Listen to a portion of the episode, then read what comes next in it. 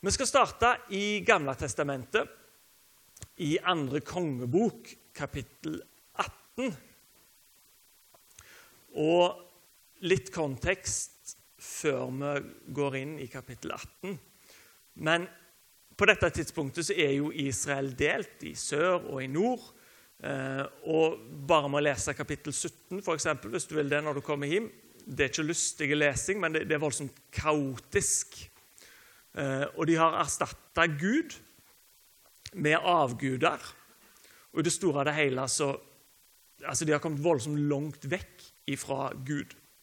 Eh, mange grusomt dårlige konger.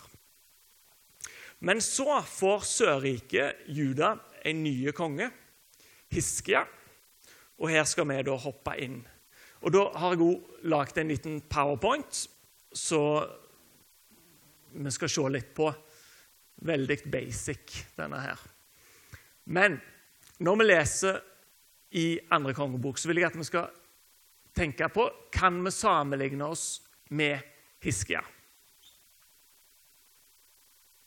Og senere, da altså, Hvem kan bli, eller hva kan bli en asyrerkonge i vårt liv? Hva er vårt Egypt? Og har du en Jesaja. Og Nå lurer du på hva all vide verden er det for noen spørsmål, men it will make sense. Vi slår altså opp i andre kongebok, kapittel 18, og vi skal lese vers 1-7. I'm on five. I Israels konge Hoseas, Elas sønns tredje år, ble Hiskia, sønn av Judas konge Akas, konge. Han var 25 år gammel da han ble konge, og han regjerte i 29 år i Jerusalem. Han gjorde det som var rett i Herrens øyne, slik som han, eh, hans far David hadde gjort. Han la ned offerhaugene og slo i stykker bildestøttene og hogg ned Astarte-bildet og knuste den kobberslangen som Moses hadde laget. For like til den tid hadde Israels barn brent røkelse for den. De kalte den Nehustan. Hiskia satte sin lit til Herren, Israels Gud. Etter ham har det ikke vært hans like blant alle Judas konger, heller ikke blant den som har vært før ham. Han holdt fast ved Herren. Han vek ikke fra ham og holdt hans bud, dem som Herren hadde gitt Moses. Og Herren var med ham. I alt han foretok seg, bar han seg klokt att. Han falt fra kongen i Asyria og ville ikke tjene ham lenger. Han slo filistrene og tok deres land. Der leste jeg altfor langt. Det var der vi skulle stoppe. Ble ivrige. Unnskyld. Hiskia var altså en god konge. Eh, han stolte på Gud og gjorde gode ting.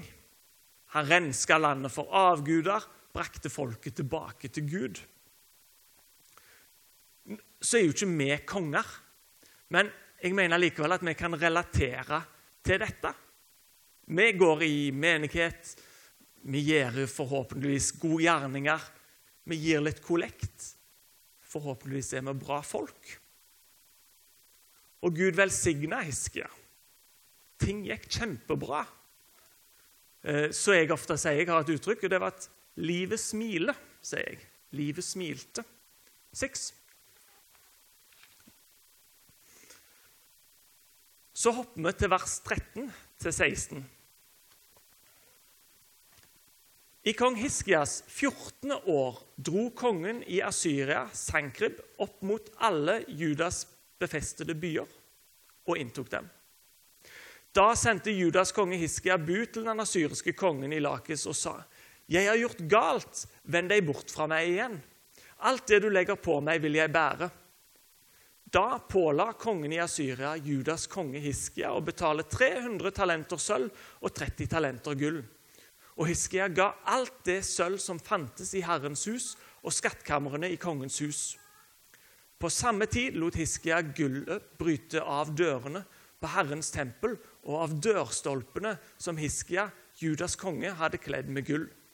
Alt ga han til kongen i Asyria. Så her kommer altså den asyriske kongen den nye asyriske kongen, da, da var ei drøss av dem, og inntar Juda. og det er kun Jerusalem som står igjen. Og dette er jo på en måte game changeren, da. Der fred og framgang og harmoni plutselig er erstatta av krig, nød og frykt. Og for noen av dere som er her i dag, så er jo dette noe dere nettopp har opplevd. Og dette blir et altoppslukende problem for Hiskia. Det stjeler all energi, alt fokus er retta mot dette. Og vi ser at han prøver å løse situasjonen med å tilby alt han har av sølv og av gull, uten at det hjelper. For hvis vi leser litt videre, så ser vi at asyrerkongen fortsatt beleirer Jerusalem. Han vil ikke gi seg, og at han nå begynner å håne både kongen og Gud. Seven. Spørsmålet mitt da, nummer to, blir Hvilken asyrisk konge kan innta ditt rike, altså ditt liv? Og Mulighetene her de er dessverre mange. En asyrisk konge det kan være alvorlig sykdom. At du blir syk, eller at noen du kjenner, har kjær, blir rammet av sykdom. Eh, det kan være økonomiske utfordringer som bare vokser og vokser. Eller en asyrisk konge i ditt liv kan være problemer i ekteskapet. At ekteskapet skranter. Eller så kan det være en jobb som sliter deg sønder og sammen, som er så, det er så tyngende å gå på jobb at du ser ikke andre ting enn en, enn bare jobben. Altså, du glemmer alt annet. Og jeg kan ikke fortelle deg hvilken asyriske konge som vil komme til ditt liv, men det vil dukke opp én før eller senere. Garantert. Vi vil alle oppleve som Hiskia at landet vårt, livet vårt, blir inntatt av et eller annet problem. Og hva gjør Hiskia når landet inntas? Hva gjør du når livet ikke lenger smiler? Eight. Hiskia gjør, som vi leste, noe voldsomt menneskelig. Han prøver å betale seg ut av situasjonen. Han bruker det han har av ressurser, for å løse problemet han eh, har havna i. Men han kommer ingen vei. Og nå kommer sjølve verset, folkens. Dette er helt fantastisk, og det er asyrerkongen som sier det. All fantastisk. Jo, det er det. Vers 21 eh, i 18. Nå vel, du setter din lit til Egypt, den knekkede rørstav. Når en støtter seg på den, går den inn i hånden hans og gjennomborer den. Slik er kongen i Egypt, farao, for alle dem som setter sin lit til ham. Og Da kommer vi til tredje spørsmål. Hva er vårt Egypt? Hva er mitt Egypt? Ditt Egypt?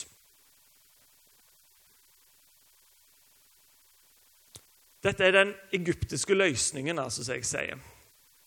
Hvor Hiskia altså hadde en mulighet for å inngå en allianse med farao og dermed da den egyptiske hæren. Nei. Hva er Egypt? Egypt er forbrukslånet du tar opp for å dekke over spillegjelda di. Egypt er den personen du oppsøker når ekteskapet skranter og du trenger trøst eller bekreftelse en eller annen plass. Egypt kan være alkohol eller et medikament, et eller annet du tar for å finne roen når du endelig kommer deg hjem fra jobb.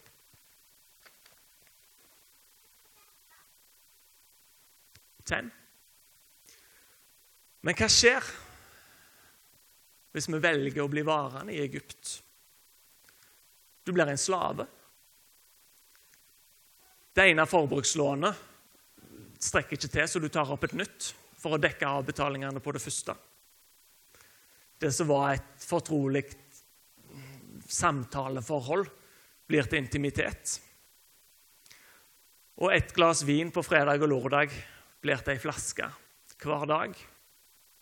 Og staven du lente deg på, har gjennombora hånda di.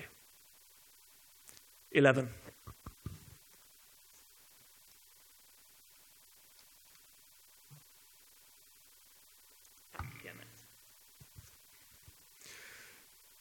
Eleven, ja.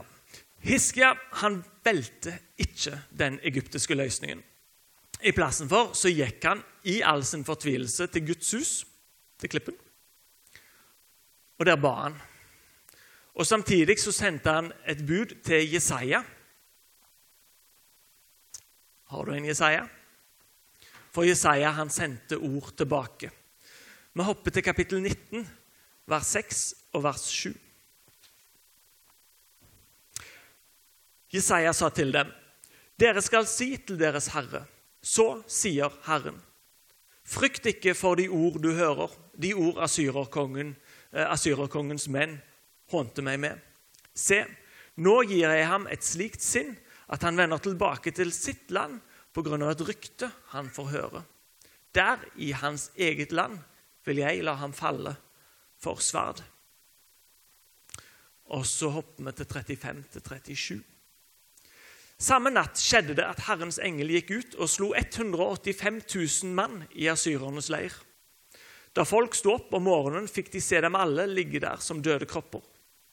Da brøt kongen i Asyria Sankerib opp og dro bort og vendte hjem igjen. Og Siden holdt han seg i ro i Ninive. Men en gang da han tilba sin gud eh, Nisroks hus, slo Å, herlighet! Adramelek og sarasar ham i hæl med sverd.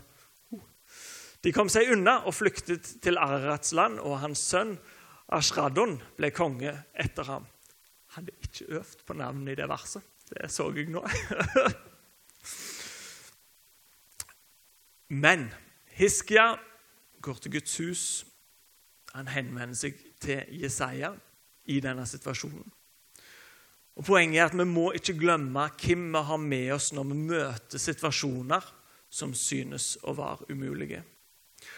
Og Det er så viktig å ha en Jesaja i livet ditt som kan gi deg den oppmuntringen du trenger, som kan rett, hjelpe deg å rette blikket mot Gud. Og Dette kan være altså, forhåpentligvis ektefellen din. altså det, det, det, vil jo være en god plass å starte, men det kan òg være en god venn. Og det kan være life-gruppa di. Og som Hiskia så, så, så, kan du få lov har du ikke sagt lov til å bruke klippen. Å komme til klippen og legge fram for Gud det du står i. Vi leste ikke, men det står at han sønderrev, sine klær og kom i en striesekk. Det trenger du ikke. Du kan komme i de klærne du har. Du trenger ikke rive de i sunt. Men klippe ned. Og hvis vi nå, 12, eh, hvis vi nå får neste powerpoint eh, opp, så skal vi nå gå videre til Nye testamentet, og så skal vi lese historien om Jairus datter fra Lukas. Eh, skal vi se, Da må jeg bare bla opp. Og vi leser disse historiene i lys av hverandre. Og nå altså På powerpointen så er, så er spørsmålene altså Ser vi likheter mellom Jairus og Hiskia? Og igjen ut ifra vårt eget liv?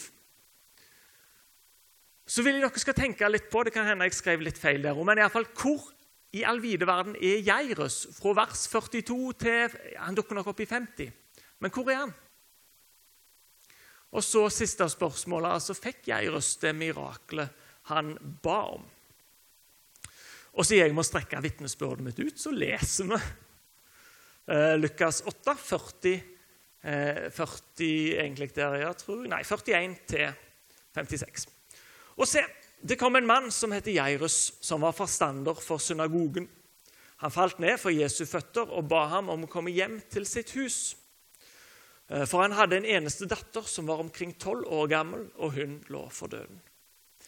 Men da han gikk av sted, trengte folkemengden seg innpå ham. Og det var en kvinne som hadde hatt blødninger i tolv år. Hun hadde brukt til leger alt det hun skulle leve av, men kunne ikke bli helbredet av noen. Hun kom nå bakfra og rørte ved minnedusken på kappen hans, kappen hans. Og straks stanset blødningen. Og Jesus sa, 'Hvem var det som rørte ved meg?'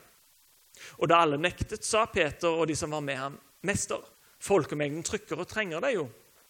Men Jesus sa, 'Noen rørte ved meg, for jeg kjente at en kraft gikk ut fra meg.' Da nå kvinnen så at det ikke var skjult, kom hun skjelvende foran ham. Hun falt ned for ham, og mens alle hørte på, fortalte hun hvorfor hun hadde rørt ved ham, og hvordan hun straks var blitt helbredet.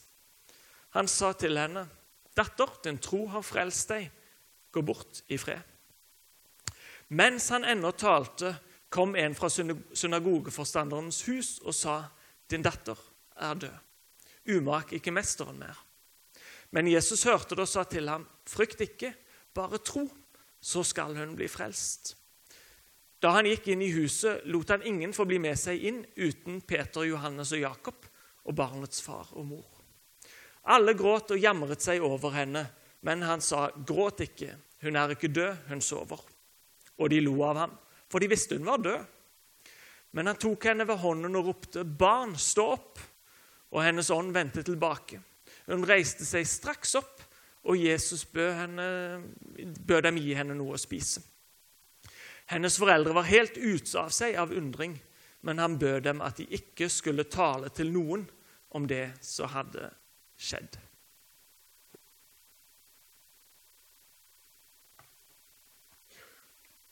Jeg tenker at Jairus det var nok òg en mann som holdt seg til Gud. Altså, Han var jo sjef i synagogen. Eh, og igjen så tenker jeg at vi kan, vi kan relatere våre liv til Jairus. En mann som altså så gikk i menighet, jobba der. Sikker jobb, sikker inntekt. Hadde ei kone som han forhåpentligvis satte pris på og hadde et godt forhold til. Og altså ei datter som nå var alvorlig syk. 13. Bibelen forteller oss ikke hvorvidt Jairus hadde prøvd andre løsninger, altså sånn som Hiskia prøvde seg med sølv og gull for, eh, for, å løse sitt problem. Men i likhet med Hiskia så vendte han seg altså til Gud for hjelp. Og den asyriske kongen da, altså, som hadde inntatt Jairus sitt liv, det var jo da altså sykdom. ikke sant? Og Hvis jeg skulle ha satt penger på noe og det skal jeg ikke gjøre, for jeg er en god kristen mann. Men, men da hadde jeg vedda på at den asyriske kongen som skulle plage deg, ville være nettopp sykdom. Det er garantert at du vinner på den. Altså For sykdom og død vil ramme livene våre så lenge vi lever her nede. Det, er ikke noen annen vei. 14. Men der Gud sendte en engel for å utfri Hiskia og, og, og Jerusalem og, og, Judea, så opplever ikke Jairus og kona hans at det skjer hos dem. For dattera dør før Jesus kommer til huset. Så til nummer, nei, til nummer, nei, ja, til nummer tre Nei, han fikk ikke det miraklet han ba om. De fikk et annet mirakel. Og i plassen for den helbredelsen som de ba om, så fikk de en gjenoppstandelse. Og der, folkens, der ligger trøsten, og der ligger håpet i denne eh, historien. 15. Hvordan mange av oss har vel ikke bedt om helbredelse? Du har bedt lenge, du har bedt høyt, du har ropt og du har grenet for at Gud skal helbrede enten deg sjøl eller en du har kjær. Og så opplever vi at personen dessverre dør. Men det miraklet som skjer i Jairus hus, det skal vi alle få oppleve. Det garanterer jeg. Den oppstandelsen som Jairus opplevde, og den gleden når det skjer, den skal du og meg og alle en dag få oppleve. Og for en trøst. For en trøst det er. Det er ikke det mirakelet vi ba om, men det er et mye større mirakel. Og det er et mye viktigere mirakel at en dag skal vi gjenoppstå. 16. Spørsmål to. Hvor er Jairus? Fra vers 42 og egentlig utover. Altså, Vi ser Jesus henvende seg til han i vers 50. Eh, men, men, men hvor er han? Og igjen, Hvis vi leser denne historien som om det var vårt liv Altså, Vi har kommet i en situasjon som er helt uoverkommelig, og vi har oppsøkt Jesus. Men i denne situasjonen her så er det trengsel, og det er kaos. Du mister oversikten, du mister retningen på livet ditt. Du har ikke kontroll. Og Nå vil jeg henlede litt Kan du ta opp den siste? For vi som vokste opp med flanellograf Vi har mista mye av denne historien, og sikkert en del andre. Flanellografen er fantastisk, men du klarte ikke å lage en folkemengde på flanellografen. Dette var et folkehav på flanellografen. Så når vi leste historien om Geirs datter, så var dette folkehavet. Ikke folkehav, det. Altså, kom an.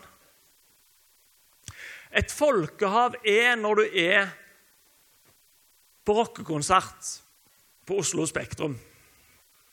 17, 17 sorry.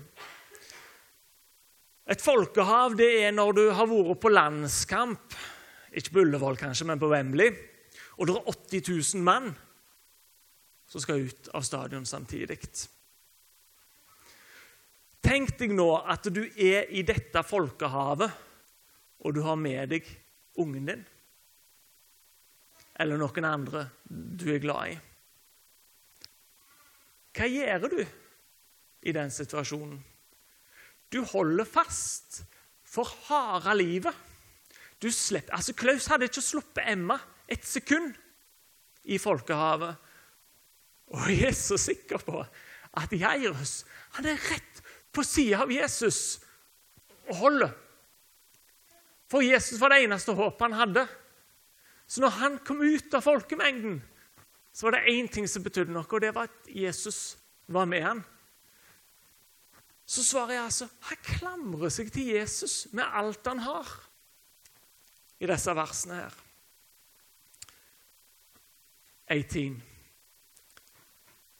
Og da har dere holdt ut lenge. Takk skal dere ha. Jeg vet det var mange av dere som angra på at dere ikke fulgte ungen deres på søndagsskolen, men sånn ble det. Men håpet mitt er, når vi har lest i Gamle testamentet og Nye testamentet jeg håper dere sitter igjen med følgende. At stormene de vil komme. Garantert. Og du ser skyene på horisonten, men ikke kikk så mye på dem. Husk hvem som er med deg om bord i båten. Stol på Jesus. Søk han og hold fast med han når bølgene kaster båten opp og ned. Og ikke minst da at Gud er miraklenes Gud. Og miraklene, de vil komme, men kanskje ikke akkurat til den tid du mente du ville ha dem, eller i den form du ba om.